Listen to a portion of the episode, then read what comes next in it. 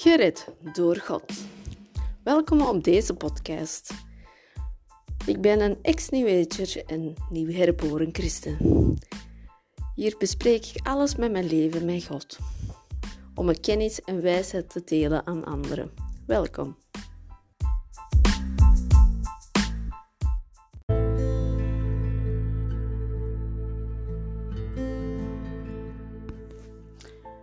Bem-vindo no meu podcast Gered por God. Olá, irmãs e irmãos de cristão. Hoje vou falar sobre o meu testemunho quando o nosso Senhor salvou-me. Vamos começar por princípio. Quando era pequenito, sentia energia, Sentia que havia espíritos, sonhava muito, mas não dava assim muita atenção. Mas quando ficava mais velha, de 12 anos, comecei a procurar respostas, procurar ter uma, uma resposta para estas coisas. Comecei a conhecer a meditação, yoga, budismo, hinduísmo, a americana hindus, também lá de México, lá as incas, os romanos, essas todas as coisas sobre a energia e deuses e deuses que, que. E fui-me lá para fundo que até fazia moderna de uh, bruxaria, Wicca, uh, fazia médium, contava, um, perguntava um, nos espíritos, no espiritual,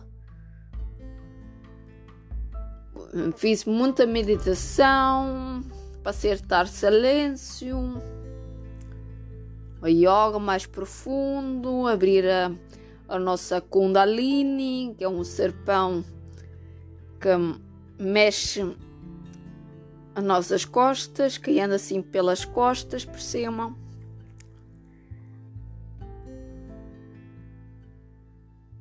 Procurava e fazia e fazia. Tem um momento, acabei de ir para a escola, ia trabalhar, comecei a ficar doente. Uma doença sem resposta. Ninguém doutores uh, conseguiam dizer porquê, onde vem, qual é a melhor cura. Era muito desconhecida. Fui para o hospital, para o outro hospital e para o outro até a universidade. Mas durante esses três anos, com muitas dores, não conseguia andar, conheci um livro, uma mulher que fez um ano completo com uma Bíblia. Eu fui comprar esse livro, fui ler comecei a fazer as coisas um bocadinho que ali. Comecei a ler um bocadinho a Bíblia em, em partes, mas ainda fazia a bruxaria, o New Age, o médium, ainda mais meditação mais profundo. E rezava o terço, rezava a Ave Maria, nosso, nosso Pai completo, tudo junto. Mas qualquer coisa dizia que não era bom, mas nunca dava atenção. Até, até lá recebeu um medicamento, começou a, os sintomas de desaparecer. Mas durante esse ano, o último ano de três anos, também fui para uma pessoa que dava a pressura de acupuntura de, com os dedos, não com a agulha.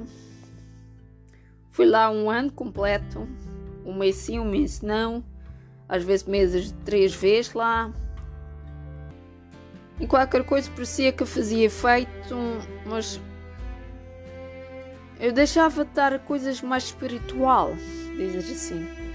Teve um momento que eu também ia, quando estava lá na da cama da massagem, teve aos momentos até fui dormir, sem, sem saber, estava a dormir, ou teve um momento que eu recebia visões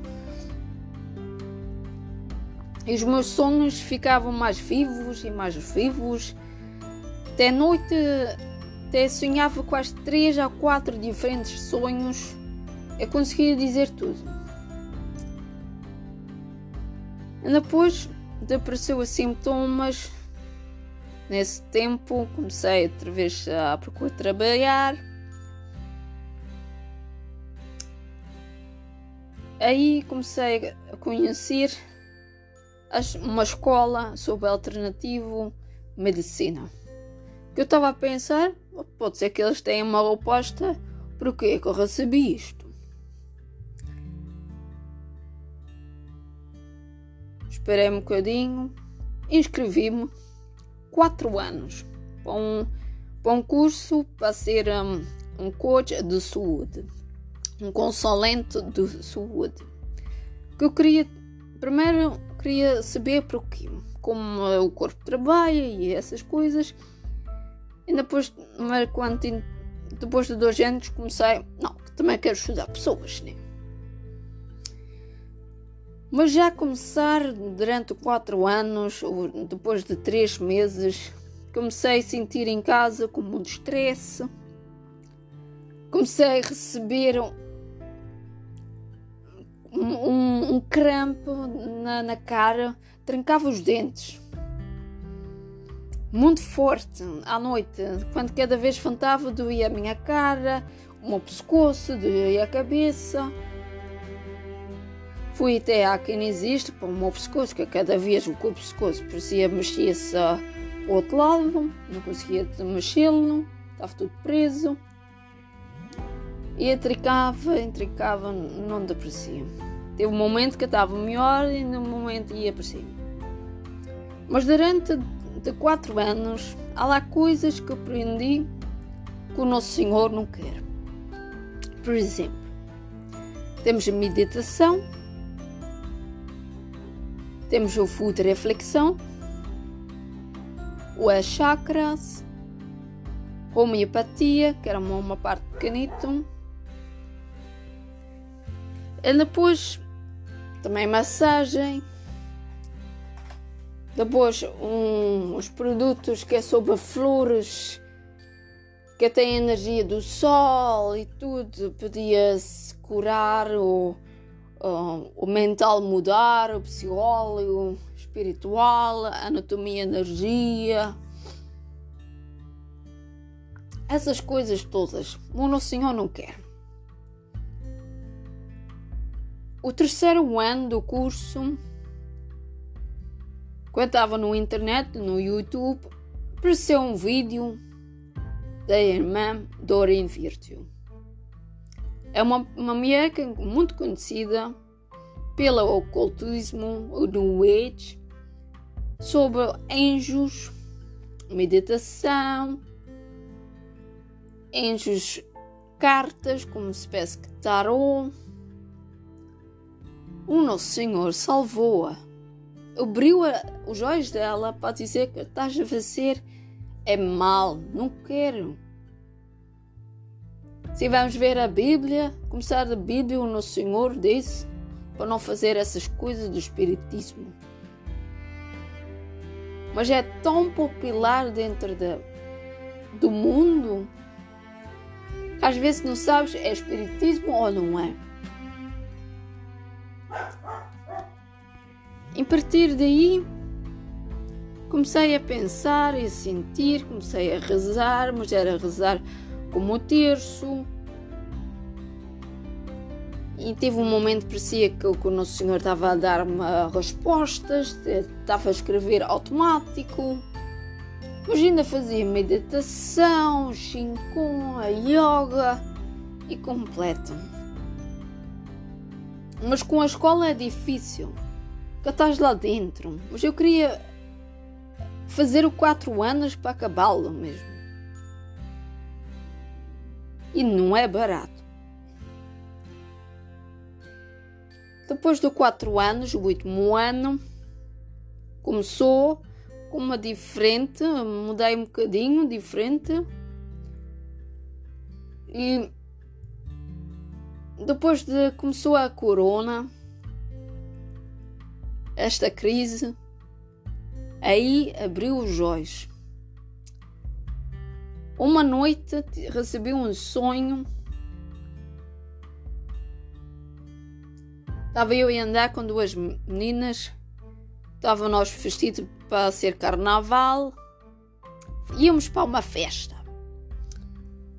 O ambiente parecia um shopping center, um que parece que passou lá a guerra, tudo estragado e assim. E depois estava lá uma escada rolante, onde é que era a festa. As duas meninas já estavam no, nas escadas, eu ia pôr o meu pé e ouvi alguém chamar meu nome, Tânia. Eu virei-me, vi nas, começar embaixo, vi pés e por cima vi mãos até à cara. Na cara vi que era o nosso Senhor Jesus Cristo que estava à frente de mim. E o nosso Senhor disse-me: Tânia, segue-me. Em inglês, follow me. E as duas meninas lá em cima chamaram-me: Tânia, ainda vens ou não? E depois respondi: Eu já venho mais logo, não sei, já vou ver. Eu virei-me, o Nosso Senhor apareceu pela uma porta, aí eu fui atrás dele. Aí acordei-me. Aí sabia que o Nosso Senhor deu-me uma, uma escolha a cegar a ele ou o mundo que é do demónio. Eu escolhi o Nosso Senhor, que é um caminho verdadeiro, o único que nós precisamos. A partir daí, comecei a aprender muitas coisas do Nosso Senhor e do, do nosso Pai que está no céu, que fez este mundo perfeito, mas nós, com a casa do demónio, fizemos tudo a estragar-se. Mas Nosso Senhor dá escolha. Sim, Ele quer, Ele vai eh, salvar-te. Mas temos de abrir o nosso coração e alma para Ele, só para Ele. E a partir daí comecei a deitar coisas fora. Coisas que utilizei para fazer uh, rituais, meditação, a yoga, os livros todos, deitei tudo fora. Os tarôs que eu tinha, um, as pedrinhas com os cristais, tudo, deitei tudo fora. Há umas que ainda, ainda tenho que não dá para deitar. Mas isso é outra história. Deitei a grande parte fora. E às vezes ainda contra coisas agora ainda. Até quadros deitei fora. O stress todo que tinha. A partir daí, a partir desse sonho, à noite fui rezar. Não rezar como eu conheço, não rezar com Eva Maria, não rezar com o nosso Pai ou o terço, não, rezar como eu estou a falar contigo. Pai nosso que está no céu, ajude-me. Abre-me os olhos. Desculpa que eu fiz isto, estas coisas. Eu não sabia o que é isto. Ninguém disse-me que era mal. Que tu és o caminho, o verdadeiro, o melhor que há. Eu rezei, eu rezei. Comecei a chorar com, com um livre um livro um livro de energia que se, parecia que saiu demónios do meu corpo o estresse todo que tinha, os demônios que estavam junto com meditação ou a yoga, tudo saíram tudo. E a partir desse dia, a trincar na minha cara com os dentes, desapareceu. Três anos à procura de uma cura. Aqui não existe suplemento, massagem, nada. O Nosso Senhor que salvou-me e deu uma cura. Que há muitas coisas que temos na nossa vida. É espiritual, é tudo demónios. Ele existe mesmo, irmã e irmãos. Não precisamos estar com medo, mas temos de estar forte que o nosso Senhor é o mais importante. A partir daí, a minha vida mudou completo. Estou mais contente, tenho menos stress.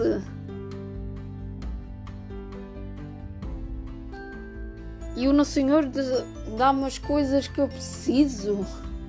Cada vez que eu rezo para uma pessoa ou, ou uma coisa que eu tenho um bocadinho de dificuldade para ajuda, ter um bocadinho mais força para conseguir trabalhar ou qualquer coisa, Ele ajuda-me, sentes também. Pelo Espírito Santo que está no nosso corpo. Que Ele abre os teus olhos completo. Cada vez que eu ouço qualquer coisa com pessoas já à volta de mim, ah, este é tão bom, este é bom para isto. Vejo com outra cara, com outra visão. Dizer, é mesmo? Anda cá, vou, vou ver à procura. O que é o origina, onde vem? Que há muitas coisas que agora conhecemos, mudou original. Já mudou de, de nome ou qualquer coisa e vem do espiritismo. Por exemplo, a homeopatia vem do espiritismo. Não é uma cura. A pessoa que criou a homeopatia perguntou aos espíritos qual é a planta, qual é a coisa é bom para esta doença ou qual é a energia. Isto é o Nosso Senhor que não quero. Ele não quer nada que façamos com espíritos. E os espíritos que conhecemos, que os médiums que às vezes, ah, este é o teu pai que está aqui. Não é.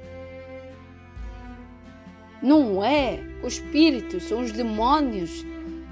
Eles têm uma máscara por cima deles, que os demónios vivem anos com geração da família, eles sabem como é teu pai ou quem é, como é teu avô antigamente. Eles conseguem mascarar-te para as pessoas. Por causa disso, não podemos fazer essas coisas. E mais alternativa medicina, há muita coisa que é muito mal. É tudo com energia. E depois vai para a Kundalini. Kundalini é o serpão é do demônio, é do Lúcifer, o Satã. Não precisamos de nada disso. Temos de fazer as coisas que o nosso Senhor quer, não é as coisas que tu queres. Isso é uma coisa que também aprendi. Eu quero isto, eu quero fazer este curso, eu quero isto, isto. Mas é o Senhor que quer que tu que recebe essas coisas? Não. Temos a rezar, a perguntar se é bom que vais fazer aquilo ou comprar essas coisas. A resposta podes receber daqui uma, um dia ou até três semanas. Mas sentes que o Senhor que abre os teus olhos? Hum, não, não quero. Às vezes não precisamos de muita coisa. Precisamos do Nosso Senhor dentro do nosso coração e alma e a Bíblia.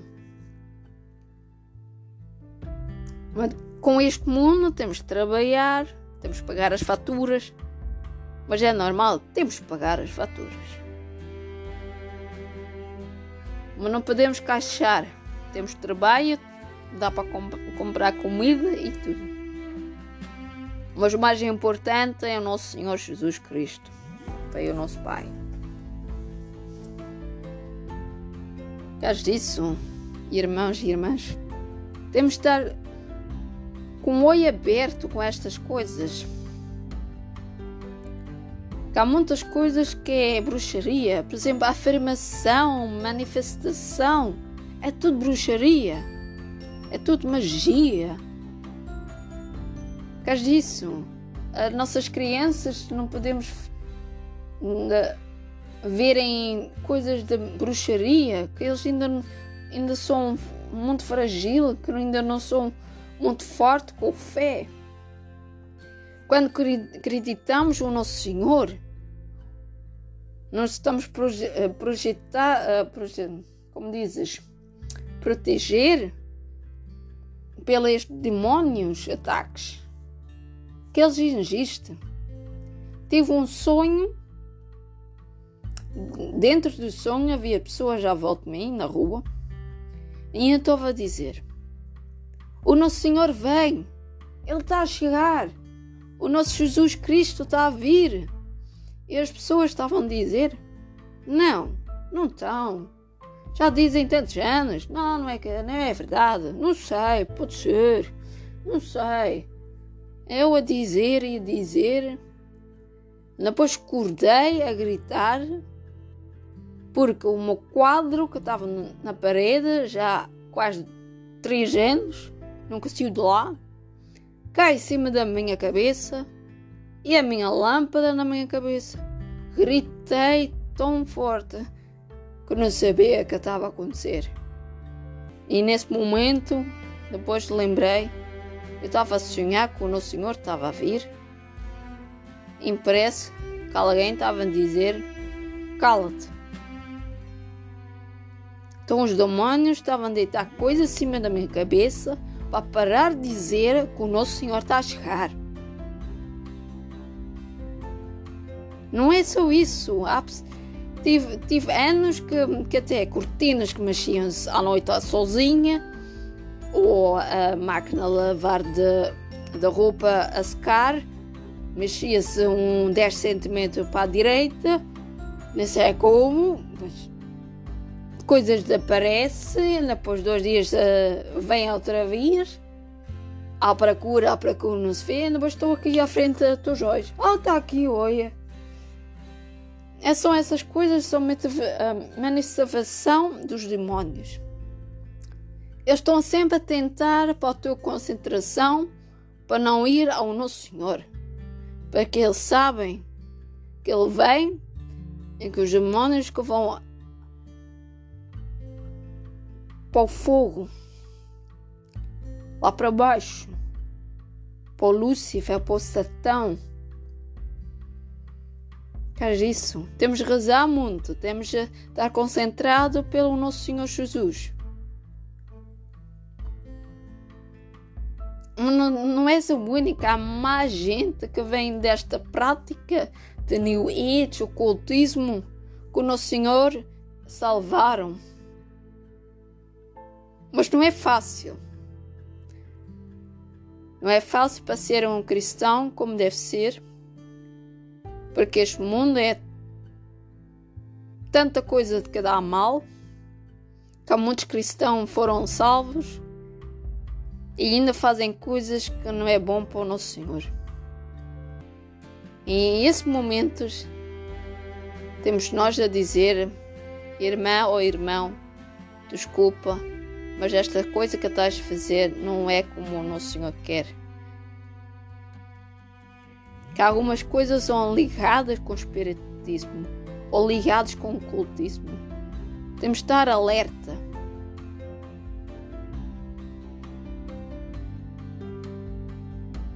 Também não só é isso. O nosso Senhor Jesus, o nosso Pai que está no céu, na Bíblia, Está escrito: não precisamos estátuas. Que as estátuas têm olhos, mas não veem. Têm ouvidos, mas não ouvem. Têm mãos, mas não mexem. Têm pés, não andem. O nosso Senhor não quer que faça estátuas ou que Vais rezar com as estátuas. Que o Nosso Senhor é o único que precisamos.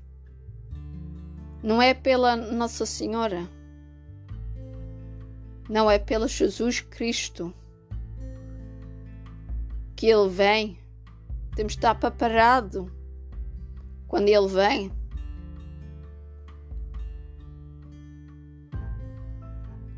Queres isto? Irmãs e irmãos, reza muito. Reza como deve ser. Fala com o nosso Pai que está lá em cima, no céu, criou isto tudo. Dizes obrigado das coisas que Ele fez. Obrigado que as coisas Ele já criou.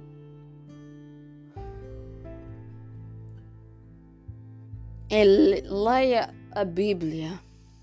Eu sei que é difícil, mas quando, salvo, quando o Senhor salvou-me, eu abri a Bíblia e conseguia ler como deve ser. Quando leio as coisas e entre dentro da minha, do meu Espírito Santo, comecei, ah, ai, estas são as coisas que, que preciso, estas são as respostas, as minhas uh, perguntas foram respondidas. Estas são as coisas que precisava. Mas quando estava no ocultismo, a bruxaria e New Age, cada vez que abria a Bíblia não fazia nada comigo. Leio como, como um livro. Fala, não compreendo completo. Ah, sim.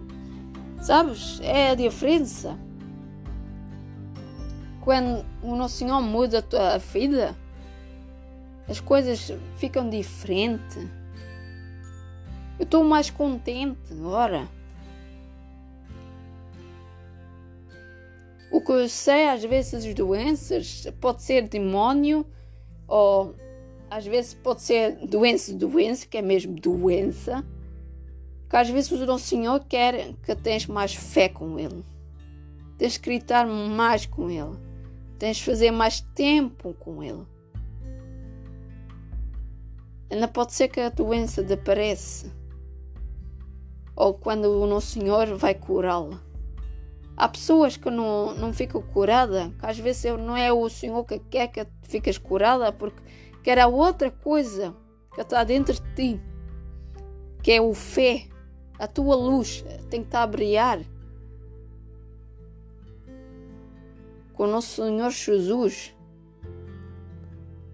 Que às vezes temos razão muito, temos de deitar coisas fora que é tudo cultismo, espiritismo, new age, tudo.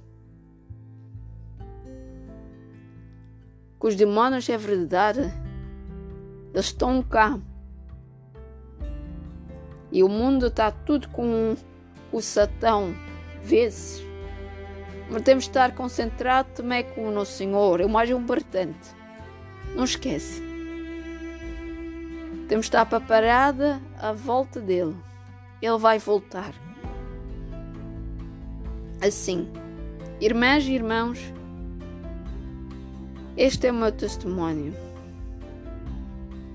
Há partes que, que faltam, por exemplo, depois da escola, até fiz duas vezes ayahuasca. Fiz mais meditação, fiz meditação quase de duas horas compridas. Abri a minha a mente completa aberta, sem som lá dentro. Nesse momento é quando tu abres a teu corpo por demónios para entrar. Durante esse tempo, quando estamos à procura uma coisa, silêncio, anti-estresse, abrimos sempre a nossa vida pelo espiritual. Em partir daí, às vezes podes receber doenças, podes uh, ter dificuldade com o dinheiro, ou com o trabalho, ou alguém morre, ou não sei, há tanta coisa que às vezes há ligações. Tem, pode ser que tens uma estátua em casa que é, que é um Buda ou um anjo, um não sei o quê. A partir daí a tua vida muda-se completo negativo. Então deita a coisa fora. Que vais ver que é uma coisa livre. Deita as coisas fora que não é bom para o Nosso Senhor. Cás disso. Aqui vou acabar o meu testemunho. Preciso, tem já algumas perguntas sobre alguns temas que também recebeste ou experiência, preciso de ajuda eu, para rezar ou assim, tá? Mandas mensagem pelo Instagram, que é Dr. Rot. Obrigado por ouvir. Amém.